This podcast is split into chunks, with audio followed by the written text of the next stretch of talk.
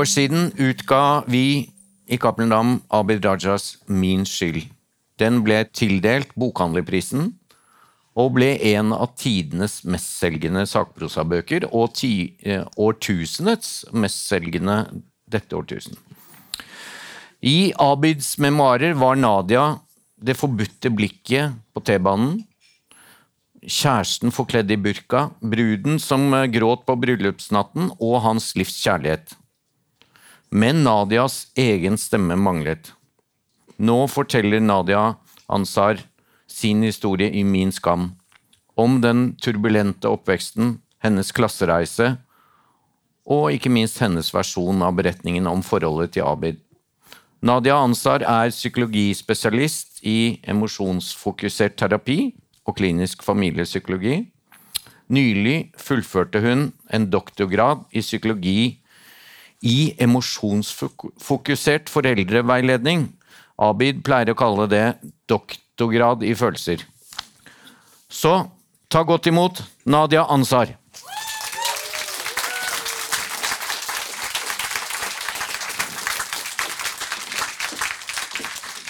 Hallo. Hei. Hei. Hvordan er det? Altså, nå har du fått eh, fantastiske eh, anmeldelser og Ja. terningkast seks i Dagbladet. Viktig og sterk, eh, skrev Andreas eh, Wiese. Krystallklart om skam var det fra VG og Sindre Hovdenak. Og direkte samfunnsnyttig fra Ingunn Økland. Hvordan er det for deg som ikke akkurat er vant til dette fokuset? Hvordan har det vært? Altså det, det ene er jo at jeg er jo full av takknemlighet eh, for at eh, det jeg ønsket å få fram med prosjektet, at det har faktisk eh, lykkes. da. Altså at det har kommet fram, og at folk har forstått prosjektet med boka. Eh, og så er det nok litt eh, voldsomt òg, ikke sant? For det er bare gått en uke. Så jeg tror det kommer til å ta litt tid å faktisk ta inn alle disse tilbakemeldingene. Det er litt en sånn følelse av en sånn ut av meg sjøl-opplevelse, hvor jeg nesten bare betrakter meg litt på siden. og klarer ikke helt å ta inn det, da. Men eh, jeg vet at med en gang den, eh, det trøkket her eh, lander, så vil jeg nok få virkelig mulighet til å kjenne på hvor stort og godt det kjennes, da. Og i dag så fra Bokhandlerforeningen sender ut hver onsdag bestselgerlisten og hva som er solgt mest den siste uken. Og da jeg snakket med din mann, Abid Raja, i sted, og det, han var lite grann eh, Han var kjempeopprømt, men også Jeg var ikke nummer én den første uken, men du Hun er nummer én i dag. En liten applaus til det. Tusen takk. Eh, og jeg tenkte vi, skulle, vi skal ta ut eh, noen sider ved boka di, og jeg syns vi nesten må begynne med det da du ble født, og navnet ditt. Altså, eh, fordi du beskriver også det at det er ikke så populært eh, med å få en jente i, i din kultur. Og samtidig så fikk du et navn oppkalt etter eh, en verdensmester. Fortell litt om det. Ja, altså, jeg var jo født eh, jente. Eh, surprise. det var jo ikke helt det mamma og pappa håpet på. At, jeg skulle, at de skulle få enda en jente. De hadde allerede en to år eldre mm, datter. Da. Og tenkte at eh, hvis de får en sønn, så kan de slutte å produsere barn. Men så ble det en jente. Så du Så- var en skuffelse i utgangspunktet? Ja, altså jeg kjente nok eh, på det, for det var en historie som florerte. At eh, de gråt litt når eh, storesøster ble født. Gråt litt mer når jeg ble født, og gråt enda mer når min yngre, to år yngre søster ble født. Så kom det enda en jente til før det, de kunne slutte på gutten. Da. Så vi ble fem søsken. Men det er klart at når man fra barn fra veldig sånn ja, fra man er veldig liten, eh, hører historier om at jeg har skuffet mine foreldres forventninger. Eh, Jeg er ikke helt som de hadde håpet på. Så er det klart at det danner jo grunnlag for mindreverdighetsfølelser allerede da. Eh, Og så hadde nok pappa en veldig sånn klar ambisjon og et ønske om å behandle oss som gutter. Eh, eller i hvert fall støtte oss veldig. Så Nadia Kom Comaneci var en eh, idrettsutøver som han så veldig opp til. Og eh, likte, da. Så han tenkte at det å gi, meg det navnet ville være et slags sånn symbol på at du kan Ja, bli hva hun, du vil. hun var rumensk turner som Ja. var liksom den første som fikk eh, ti på Ja. dommerne og sånn. Ja. Så hun var jo perfekt, så det at du fikk det navnet var jo på en måte tross alt Det var en sånn symbolsk handling som jeg har eh, omkodet i voksen alder som et forsøk på å vise omsorg. Eh, men det var jo ikke direkte kommunisert. sant? Eh, på urdu så betyr jo navnet mitt eh, 'den som roper'. Mm. og samtidig så var det jo helt fra jeg var født en sånn forventning om at jeg skulle stilne mitt emosjonelle uttrykk, og i hvert fall ikke fortelle om hva jeg føler og hva jeg trenger. Mine behov og mine meninger var egentlig betrakta som støy, for det var de voksne som skulle Vi skulle trenes opp til å bli veldig sensitivisert til å fange opp de voksnes emosjonelle behov. Og desto større altså, evne til å eh, stilne sine egne emosjonelle uttrykk. Eh, og det er nok noe som jeg tror kan ha bidratt til at jeg vokste opp med en sånn følelse av at det var noe galt med meg. Fordi at jeg hadde jo behov. Jeg hadde jo egne meninger. Jeg hadde en vilje, og jeg var egentlig ganske sensitiv. Så jeg fanget jo opp ganske mye av det som skjedde rundt meg. Så um, det, det, var, det, var, det, har vært en eh, tøff erfaring.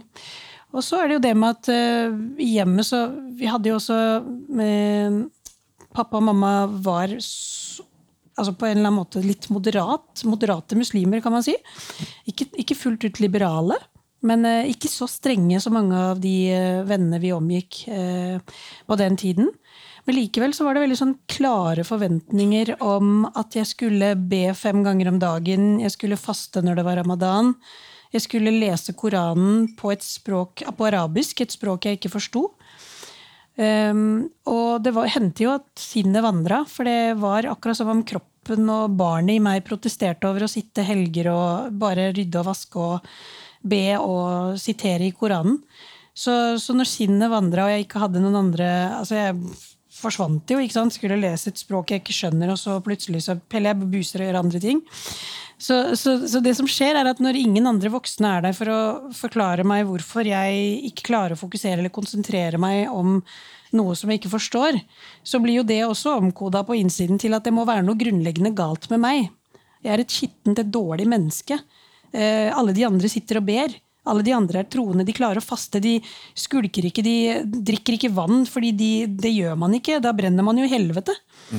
Eh, og så klarer ikke du det. Så, så, så alt det ble på en måte Alt det som på en måte jeg aldri får rom til å eh, uttrykke, da. Eh, det blir jo omkodet på innsiden som om det er noe galt med meg. Det er sånn vi mennesker er skrudd sammen. at det vi ikke får en forklaring på, det omdannes til skam. da. Fordi at det er et forsøk på at jeg skal bare skjerpe meg, ta meg sammen, bli selvkritisk og prøve å bli likt eh, og akseptert men men jeg tenkte at det, det er litt viktig Fordi det er klart at eh, det er to parallelle bøker på en måte som forteller en del av den samme historien, og veldig mye vesentlig forskjellig også. Og i Abids bok så var det jo selvsagt en ekstremt dramatisk eh, oppstart og, og vold i hjemmet og sånn.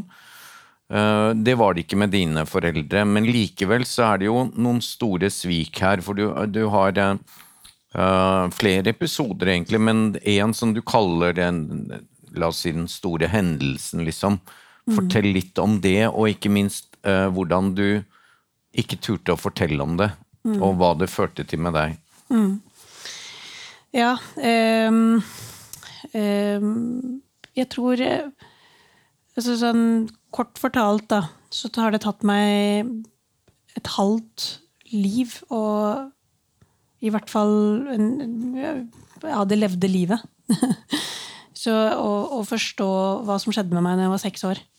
Um, Jeg ble passet på av en familievenn uh, og som tok seg friheter. og uh, Jeg ble ikke voldtatt, men det som skjedde med meg i soverommet til mamma og pappa, det tok meg år å forstå at det var uh, et seksuelt overgrep.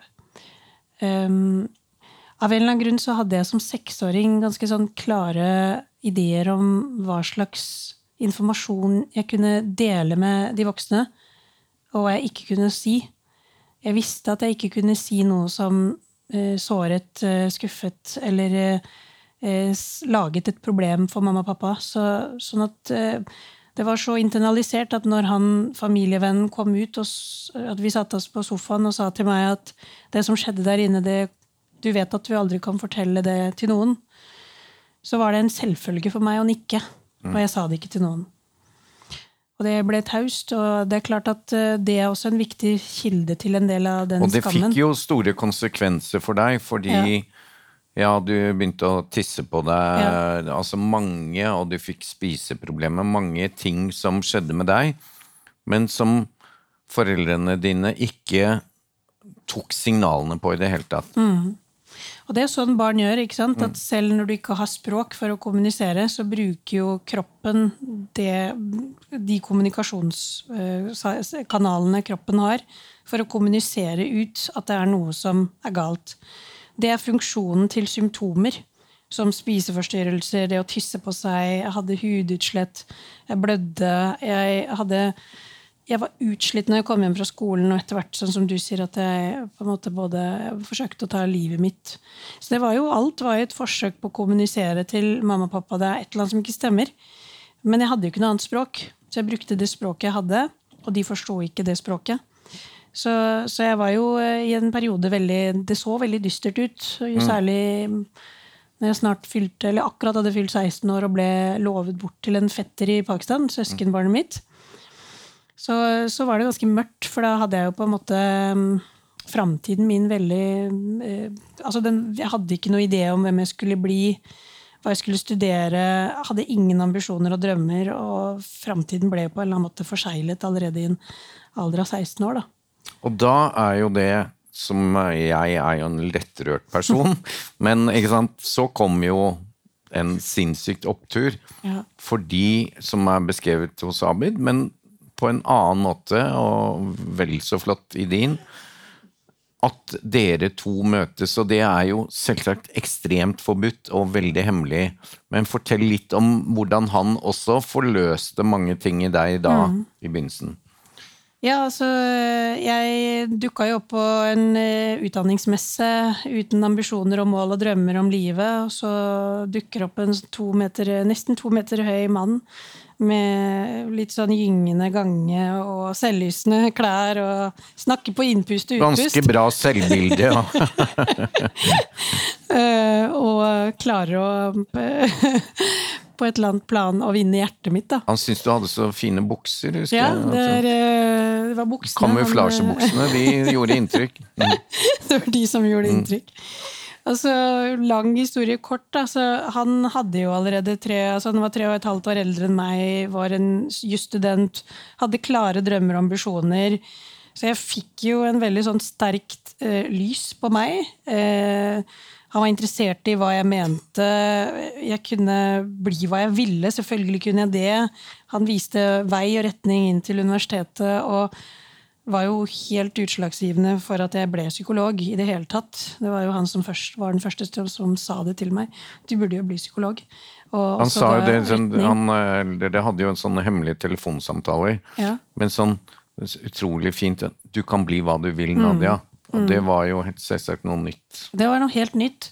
Og også når jeg betrodde han min hemmelighet, da, så var han en sånn utrolig sånn tydelig sort-hvitt som reagerte så sunt eh, og intuitivt med å tro på det jeg sa. Eh, og jeg var jo da i en periode hvor jeg på en måte begynte å tvile på om jeg kunne stole på hukommelsen min og minnene mine. Men med en gang han altså Bare fordi jeg sa det, så var det sant. Så ble det en veldig sånn sterk opplevelse av å endelig få anerkjennelse for at det er ikke noe galt med meg. Jeg kan stole på meg selv og mine minner, og det som skjedde, var ikke bra. Og det var ikke ok. Eh, og han oppfordra meg til å eh, si det til pappa for at vi skulle slutte å omgås denne familievennen. Så jeg fikk jo et helt annet mot da, til å ja, kunne da, stå i det. Da turte du å gjøre det, men det ble jo ikke vellykket. Det ble ikke, ble ikke så veldig vellykket. Så det tok meg jo 17 år. Mm. Eh, ja, fordi jo... moren og faren din aksepterte på en måte ikke din historie. Nei, det gjorde ikke det. Så eh, det, det, det, krever et enormt mot, det å fortelle eh, en voksen om noe sånt. Særlig med tanke på altså når man har de erfaringene jeg har. Så jeg tror i voksen alder så tror jeg at det som kanskje var den største skaden for meg, det var ikke hendelsen i seg sjøl, men det at jeg ikke kunne fortelle til noen om det.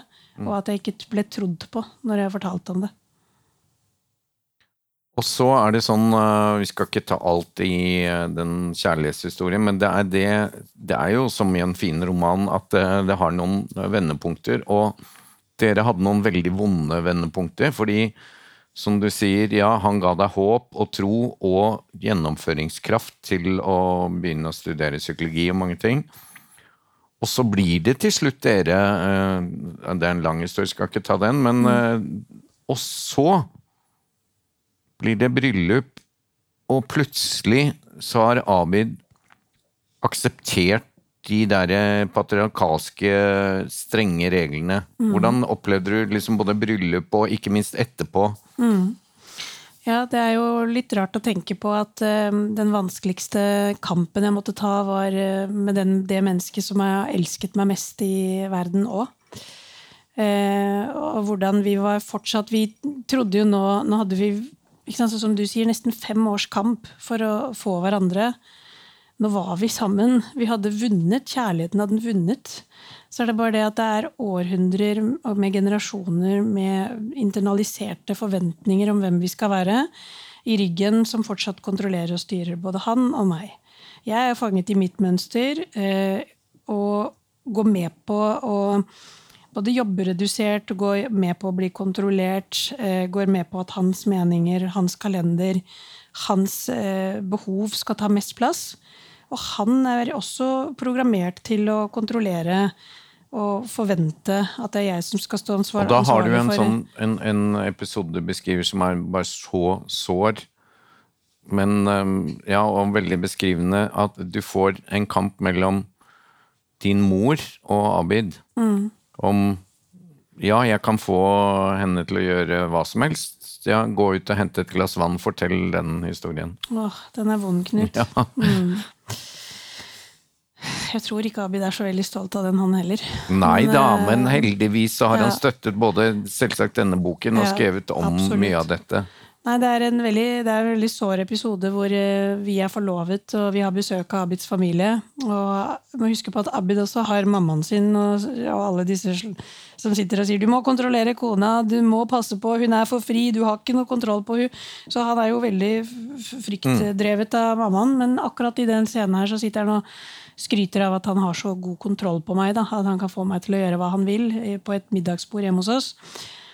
Eh, det liker jo ikke mamma så godt, så, men da må Abid demonstrere. Se, jeg kan få henne til å gjøre hva jeg vil. Nadia reiste opp og hentet et glass vann til meg.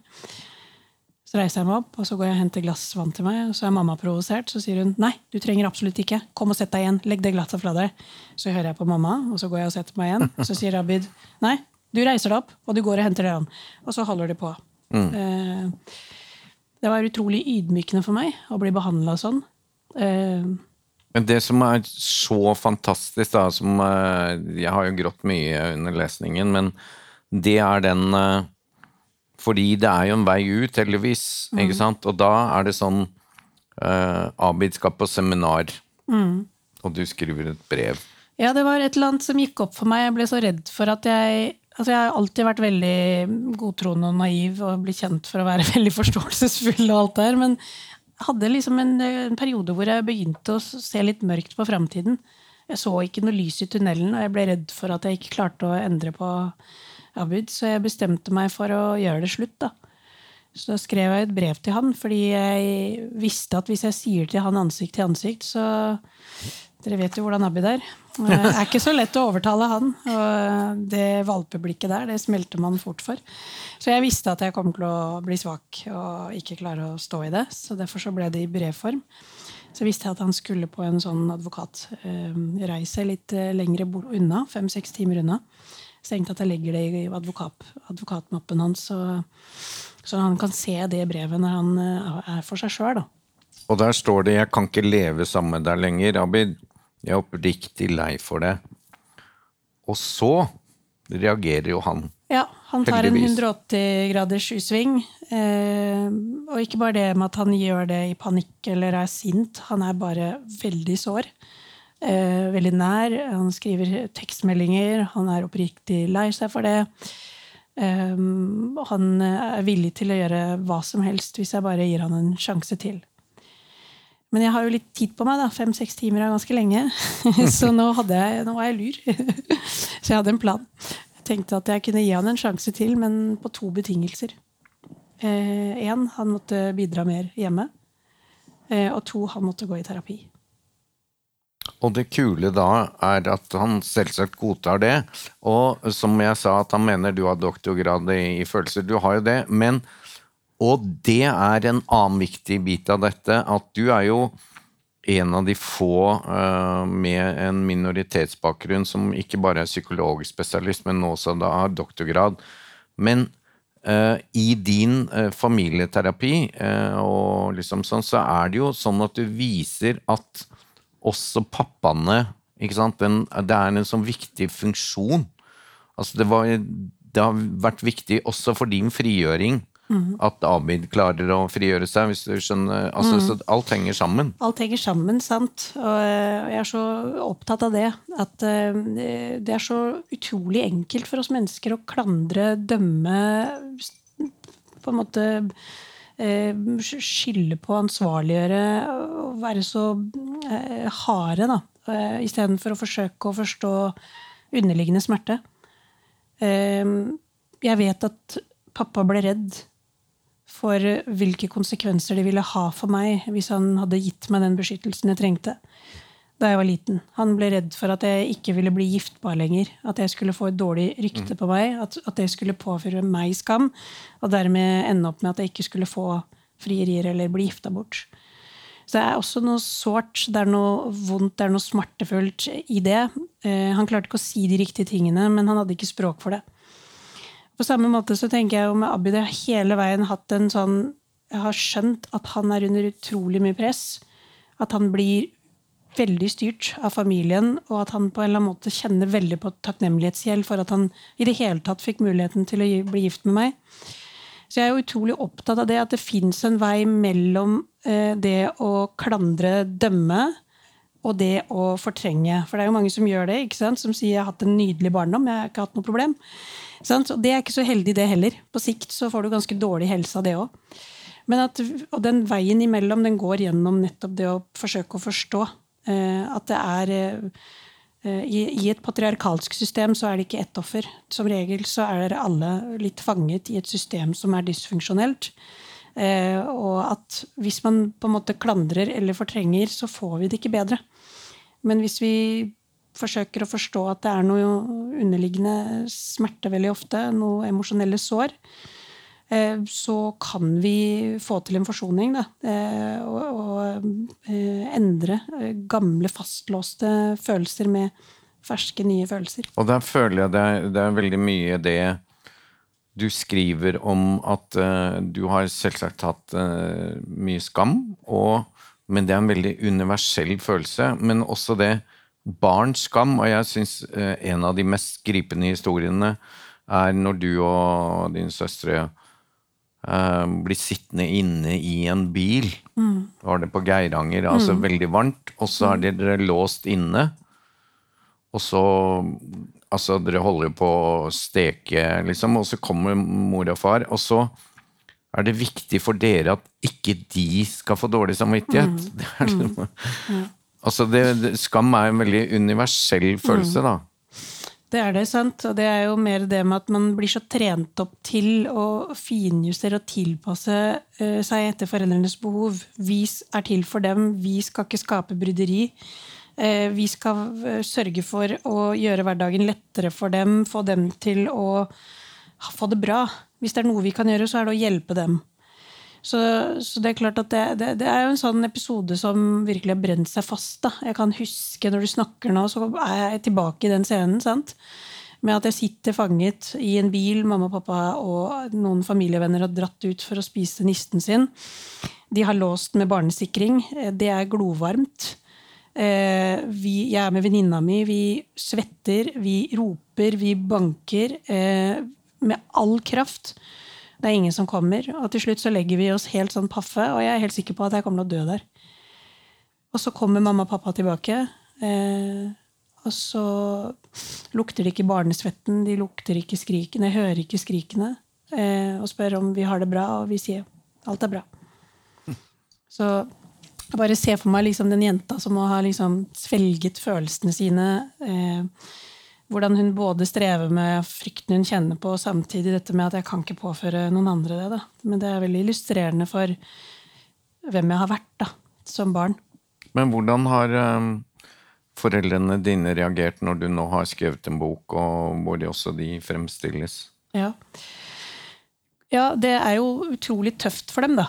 Det er jo ingen som syns det er lett når barnet plutselig skal stå fram og fortelle barndommen sin på den måten her. Og de er jo selvfølgelig redd for hvordan det norsk-pakistanske muslimske miljøet vil ta det. Og samtidig så må jeg si jeg er veldig imponert eh, over dem, at de står i det. Vi har kontakt. Vi møttes forrige uke. Vi ser hverandre i øynene, vi har dype samtaler. Og mamma gikk bort til Abid og sa at hun er så glad for at jeg tar den kampen. Ehm, hun har til og med sagt at hvis det er noe jeg har gjort i oppveksten som du ikke som du syns var feil, så syns du det er ok at du tar det opp. Er mammaen som har tatt seg av fem barn, vært hjemmeværende, ikke kan norsk, aldri eh, hatt norske venner, ikke fungert i det norske miljøet, klarer å møte meg med forståelse. Hun mm. forstår prosjektet mitt, og hun støtter meg. Det er sterkt, altså. Mm. Og når jeg som voksen også har fortalt om alle tegnene, så sier hun at ja, men nå husker jeg det, Nadia. Jeg husker hvor stille du ble.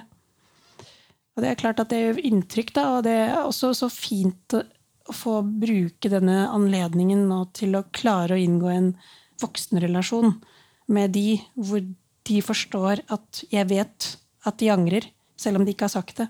Mm. Jeg vet at de er lei seg, og jeg vet at de med kroppen deres forsøker å si unnskyld hver dag.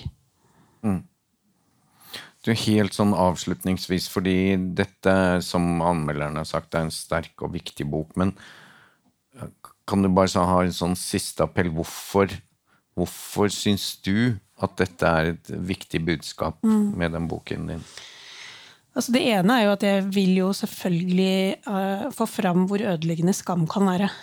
Uh, og nå, det, det, at jeg bryter tausheten etter så mange år med stillhet, det er nok fordi det har gått opp for meg at jeg må bruke min psykologfaglige kompetanse til å sette ord på hvor dypt inngripende skader eh, et patriarkalsk hjem med så massiv undersøkelse som det for eksempel, blant annet jeg har vokst opp med, Abid har vokst opp med, hva slags konsekvenser det har for enkeltmennesket. Eh, men jeg ønsker også å vise en rei, vei, en, gi en retning, og kanskje til og med gi håp.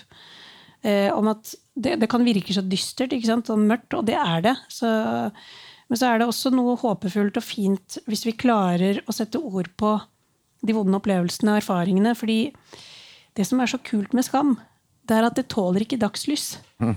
Så det er som trollet, det, det sprekker? Det er som trollet, det sprekker i lyset. Så vi må snakke den i hjel. Eh, og hvis vi ikke gjør det, så vinner jo overgriperne. Det er jo de som sitter, det er de vi sitter, ender opp med å beskytte. Og det syns jeg er blitt så tullete. At det er blitt så tydelig for meg at ikke faen om jeg skal la de få vinne. Jeg skal bruke stemmen min, og jeg skal rope ut med alt jeg har. Akkurat som navnet mitt tilsier. Så bra. Det er altså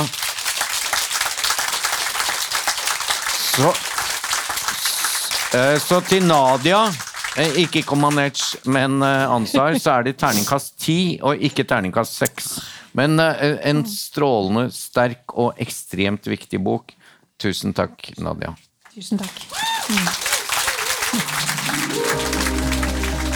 Boktips, en podkast fra Cappelen Dam.